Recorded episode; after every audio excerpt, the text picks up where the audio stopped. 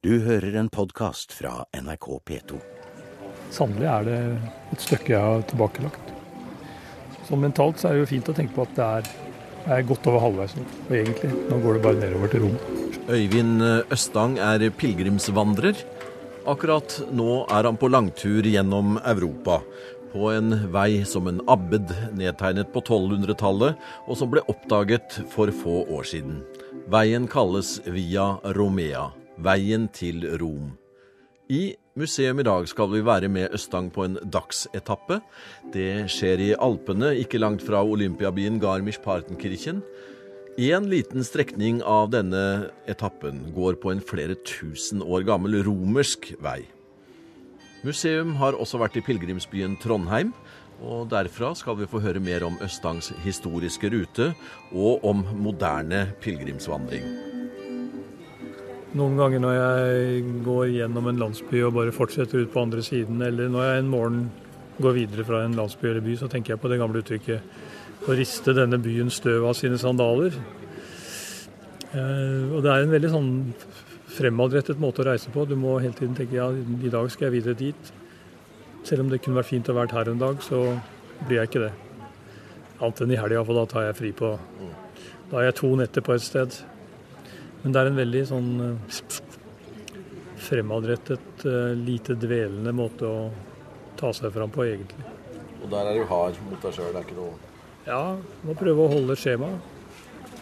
Eh, Jeg skal jo være framme 25.9. skal jeg være i Viterbo. For neste dag står det fire karer og venter på meg der. Da bør jeg helst være der. God morgen. Det er åtte. Ja da, Sola kommer, sola kommer. Da er du preparert for en, eh, en ny dag. Må du, må du mentalt bygge deg opp, eller går det bra? Det går bra. Jeg kommer greit ut av senga og pakker sekken og er klar til frokost. Gjennomgår du ruta nå da? Jeg så litt på kartet eh, på boka nå, og så litt på kartet òg, fordi vi må tenke på er det noe mat underveis. Eller må vi ta, kjøpe med oss noe fra et bakeri. Ja. Det skal være et sted oppe i lia her hvor det er mulig å få noe å spise. Men eh, Ja, for sånne ting. Vann og mat. Ja. vann og mat, viktig Ja. Ja. Nå er det frokost på hotellet her. Nå husker jeg ikke hva det heter engang. jeg. Gasthof Sonnenhof. Gasthof Sonnenhof, ja. Har en tysk frokost er jo som regel bra, den. Bruker å være bra. Litt opp og ned hvor mye varmt det er, men det Ja. Ja, bitte. Ja, ich hätte gerne Kaffee. Eh, 23 und 24. Guten Appetit. klokka er syv i frokostrestauranten på Gasthof Café Sonnenhof i den lille bygda Kleis rett ovenfor Garmisch-Partenkirchen. Jeg skal gå sammen med Østang denne dagen til byen Mittenwald, som ligger i passet rett før grensa til Østerrike, med Seefeld og Innsbruck på den andre siden. Den eh, tyske alpeveien er sterkt trafikkert midt i turistsesongen, men vi skal bare følge hovedveien noen få hundre meter før vi begir oss inn på de historiske stier og veier ut i alpelandskapet. Værmeldinga er jo ganske brutal i dag. Eh, eh, Opp mot 40 grader i Syd-Bayern, men det er dog i gresset fortsatt. Vi er relativt tidlig ute. Ja, og det er ikke sikkert det blir 40 grader oppe i fjellet her. Håper ikke det. Men eh, det er helt avgjørende om det er litt vind eller ikke. Jeg har opplevd 35 stillestående luft og 35 med litt vind, og det er veldig forskjellig. Det var et vakkert landskap, da. Veldig fint. Det er, eh, jeg så en snøflekk i går òg. Ja. Bare én. Det avtar vel litt med snø og is i hattene, dessverre. som ellers i verden. Ja. Her er det noen hester som gresser på jorden. Jeg syns gresset her nede er Det er nesten enda grønnere enn det er hjemme. Det er veldig grønt her. Det er riktig. Det har jo vært eh,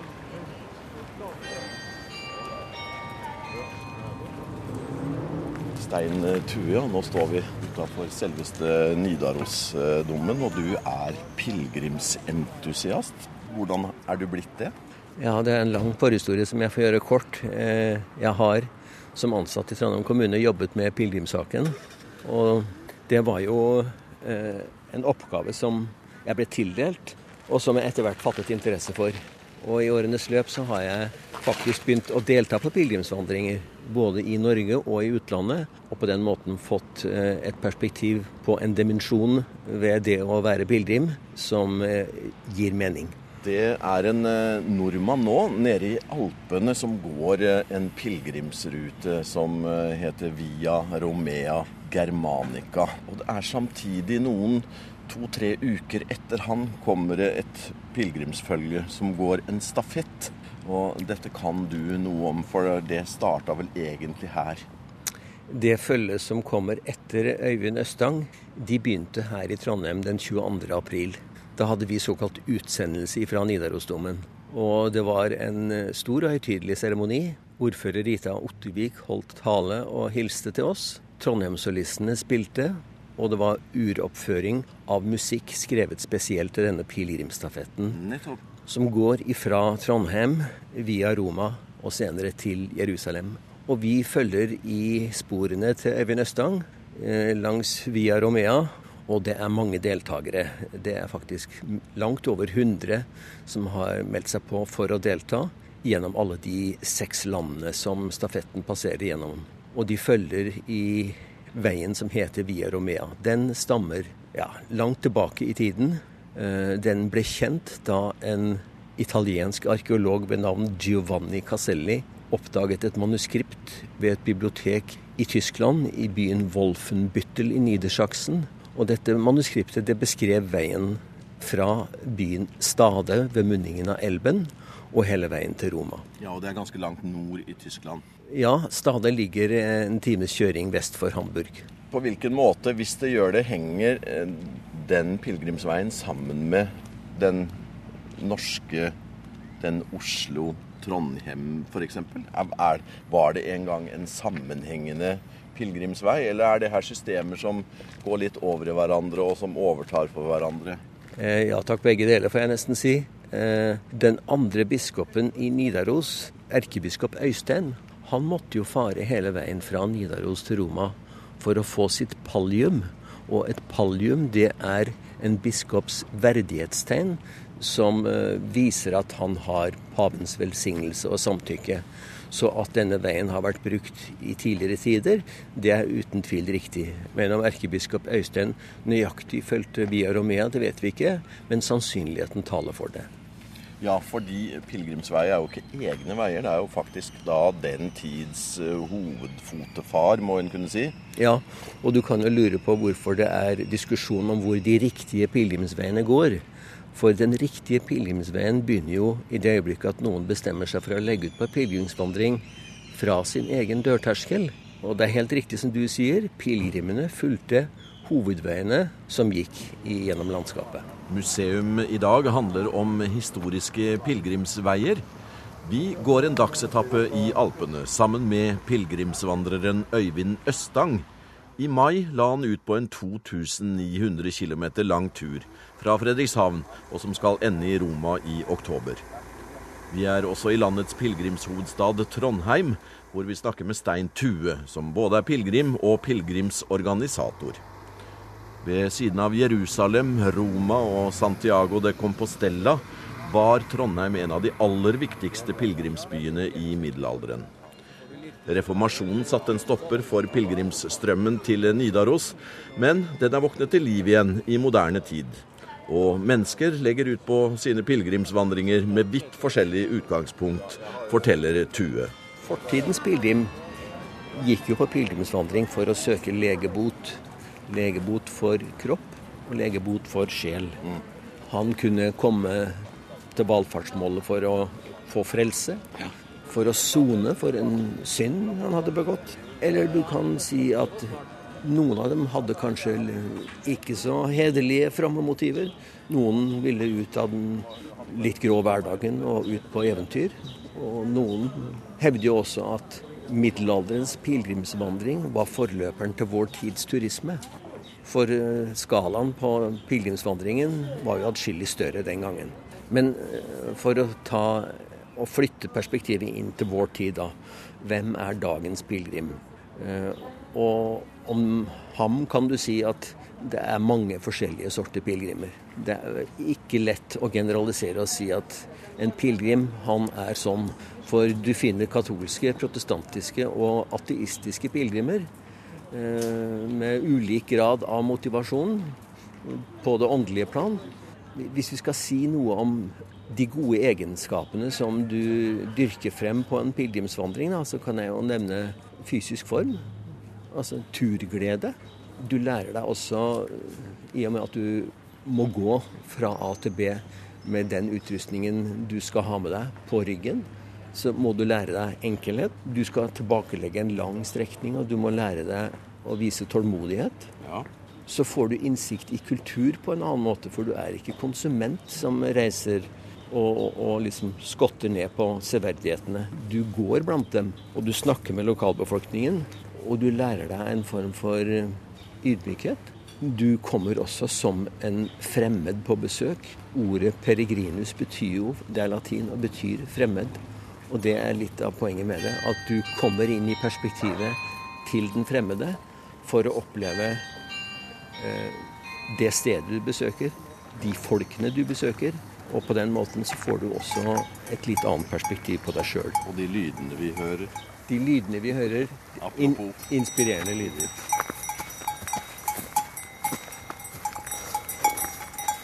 Ja, det var jo mye flatt i starten. da. Danmark er jo ikke veldig, veldig høyt, og Niedersachsen heller ikke. Så første ordentlige høydedrag jeg så etter å ha forlatt Danmark i, midt i mai, det var Hartsfjellene nede i, i Tyskland. Altså i, og da var jeg på vei inn i gamle DDR.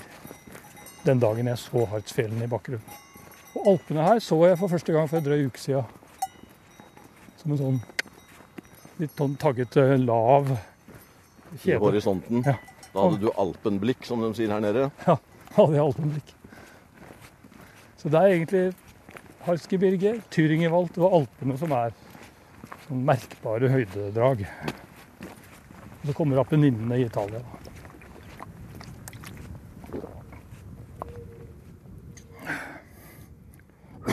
Uten vann så blir det ikke noe særlig pilegrimsvandring. Nei, jeg må fylle på med væske. Jeg bærer jo med meg halvannen liter vann som jeg tapper i springen. To av flaskene har jeg hatt med meg siden jeg dro hjemmefra. Sånn at jeg ser slitasjen. Ikke Du Jeg begynner å få et slags eh, forhold til de flaskene der nå. Ja, den tredje har jeg kjøpt et sted oppe i Tyskland. Det hender jeg kjøper meg noe sånn brusaktig, men vann er det beste. Ja. Vi er fortsatt i dette alpelandskapet som er helt sound og music. Ja, det er det. Veldig flott. Og nå driver jo bøndene med slått nummer to da, Ja. den sommeren her, nå i begynnelsen av august. Så disse utløpene rommer jo mye som skal brukes til vinteren. Veldig fint. Hvem er du egentlig, da? Hva, hva har du gjort i livet? Nei, etter eh, gymnas i Fredrikstad og folkehøyskole på Gvarv, så var det et år i militæret. Så begynte jeg å studere på Blindern i Oslo. Da har jeg da tatt eh, engelsk, fransk og statsvitenskap med engelsk hovedfag, da. Ja. 77 var jeg ferdig med det. Så var jeg trukket i retning av journalistikk og sånn. Så hadde jeg i studietida jobba som inspisient i Dagsrevyen, altså på produksjonssiden. Dagsrevyen og sportssiden. Nei, Sportsrevyen. og så fikk jeg en jobb i ukeavisa Vår Kirke og en sommer i Vårt Land. Og så ble jeg redaktør i Kirkens informasjonstjeneste. Så fikk jeg et vikar, vikariat på statsministerens kontor som informasjonssekretær. Og så i 91 tilbake til statsministerens kontor som informasjonssjef, og har vært det fram til 2007. Ja. Så ble jeg seniorrådgiver samme plassen. Så du sitter egentlig helt i makteliten, du? Har vært i mange år? Ja, statsministerens kontor er jo det sentrale regjeringskontoret.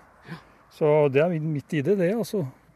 Så jeg jobba to, eh, to perioder sammen med, eller for Gro Harlem Brundtland. En periode for Torbjørn Jagland. To perioder for Kjell Magne Bondevik. To perioder for Jens Stoltenberg. Og nå er det Erna Solberg som er statsminister. Så det, det har blitt Så det er folk du kjenner? Ja, eh, sånn jobbmessig kjenner jeg alle sammen. Rømerstrasse, Keiser Septimus. Ja, Den ble altså anlagt eh, såpass sent som 195 til 215, ja, men Ja. romerne hadde jo vært fram og tilbake over en mye lenger. Og Da romerne kom eh, nordover her i eh, år 15 før Kristus, så fant de jo eh, en keltisk stamme her som het retere. Og Derfor så kalte romerne den veien her for Via Retia, Riktig. veien til reterne. Romernes veibredde var 107 cm. Akkurat som de hadde, hadde standardmål på det òg. Tror de hadde en eller annen som gikk med et spyd. Romersk veivesen. Gikk Ja. med et spyd og målte. Akkurat. Så mye plass trenger vi for å kunne møte hverandre. Og Martin Luther har gått der, sa du? Ja, han var eh, som munk i, eh, hjemme i Tyringen, så var han på en eh, pilegrimsferd til Roma vinteren 1510-1511 sammen med en, en annen broder fra klosteret. Iallfall hjemover så gikk de her. Det var en bratt bakke borti her hvor det sto et skilt om at her har Martin Luther gått. Ja, denne merkelige følelsen ved å gå på et veistykke som i hvert fall er 2000 år gammelt, kommer vi ut i mer åpent lende og blendes nå av alpelandskapet, med noen få fjellgårder, grønne enger i flotte bukninger, og overalt rundt oss kneisende lysegrå fjellmassiver. Vi er borte fra veistøyen og bare kubjeller og en og annen sauebjelle og en fugl er å høre.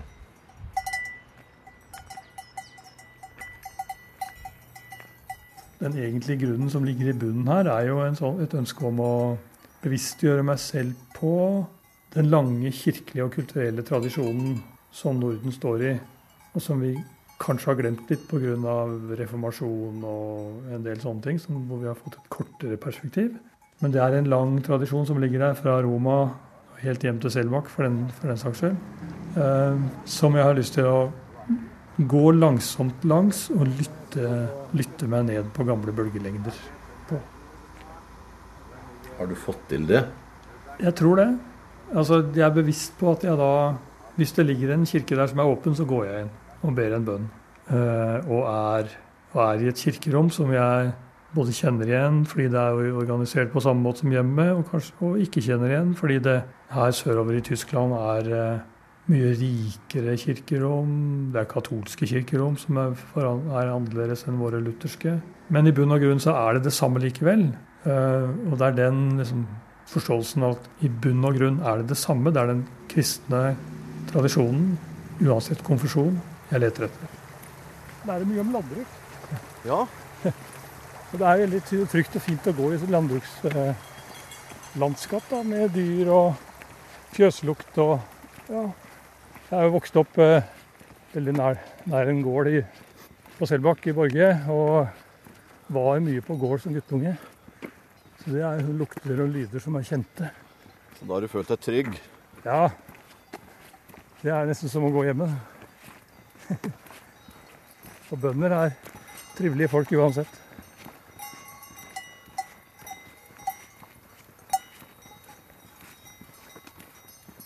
Det går i det tempoet jeg går nå, så er det utrolig hvor langt du kommer på et, la oss si, et par timer.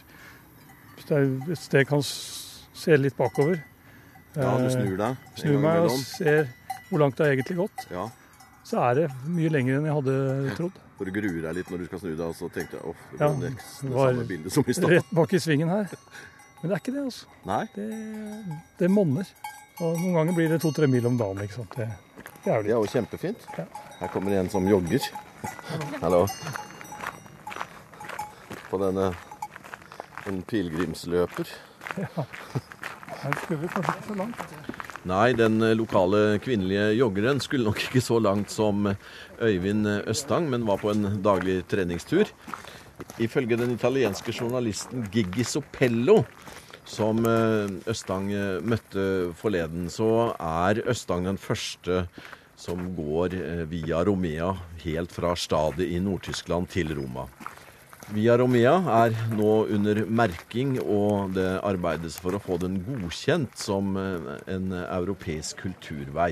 Det er eh, Europarådets kulturprogram som eh, gir en slik eh, godkjenning. Og det er en status pilegrimsrutene fra Oslo til Trondheim allerede har.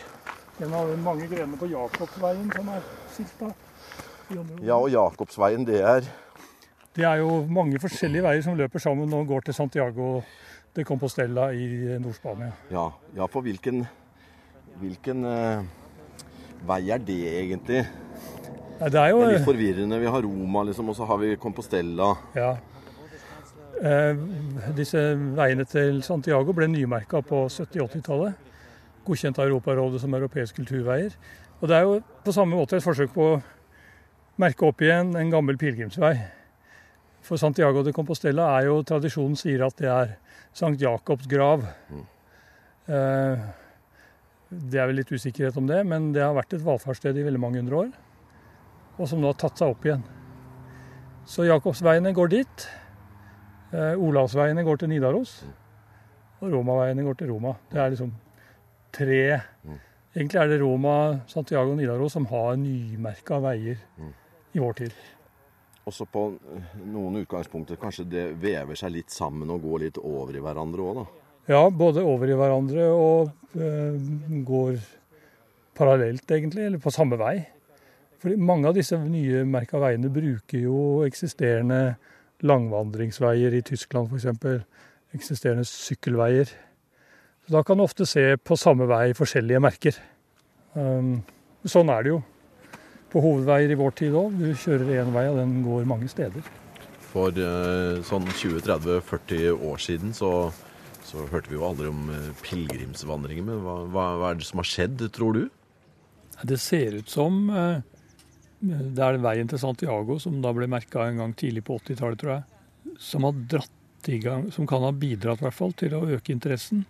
Skjønt allerede på 60 Første halvdel av 60-tallet så var det jo daværende kapellan i domkirken i Trondheim, Torgeir Havgard, som tok imot en gruppe svenske pilegrimer som kom gående til, til Nidarosdomen eh, fra Østersund, eller hvor det var. Det må ha vært noe av det aller første tror jeg, av vandrere mot Nidaros. Og Det gjorde at Hagar selv, da han senere var prest i Gamle Aker i Oslo, fikk med seg en gruppe som gikk deler av veien til Trondheim jeg tror vi har vært på 70-tallet. Så det har vært noen sånne små tilløp, men det er jo ingenting mot hva det er nå. Noen mener at det også har en slags sammenheng med den derre vår tids øh, behov for sånn langsomhet. Langsom Bergensbanen time til, ti- fra time til time og sånn. Kanskje er det det. det. Vi lever så kjapt i hverdagslivet at det å sette farta så mye ned som du må gjøre når du skal gå, oppleves som positivt. Enten du da går mot et, et hellig sted og kan sånn sett tradisjonelt kalle deg en pilegrim, eller du går av andre grunner, eh, så virker det som det å ta seg langsomt fram er blitt viktig for oss.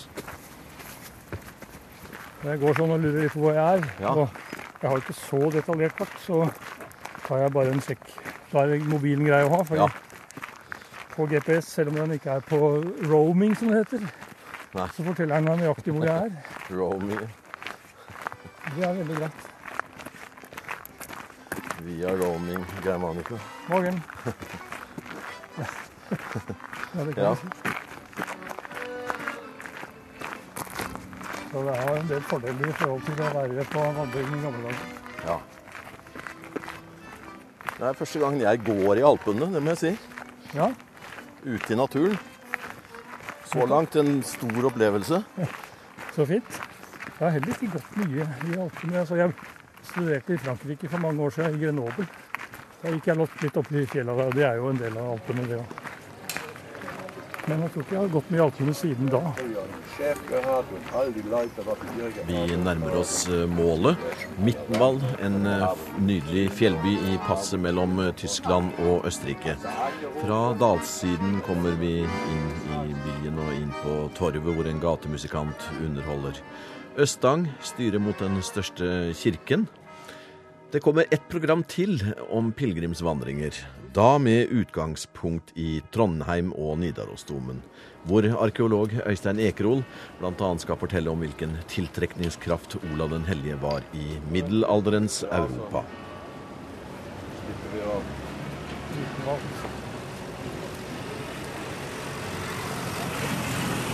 Det er eget bryggeri her. se om det er åpent her. Vet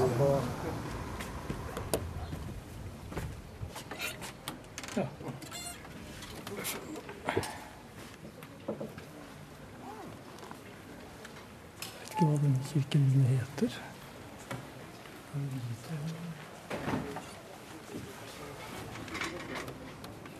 Og så her vi lagt seg et nytt alter framme i kordøra fordi hovedalteret ikke brukes lenger. Presten skal stå vendt mot menigheten, ble det bestemt i andre Vatikankonsil. Det er veldig behagelig å komme inn i et kirkerom. Også, også fysisk.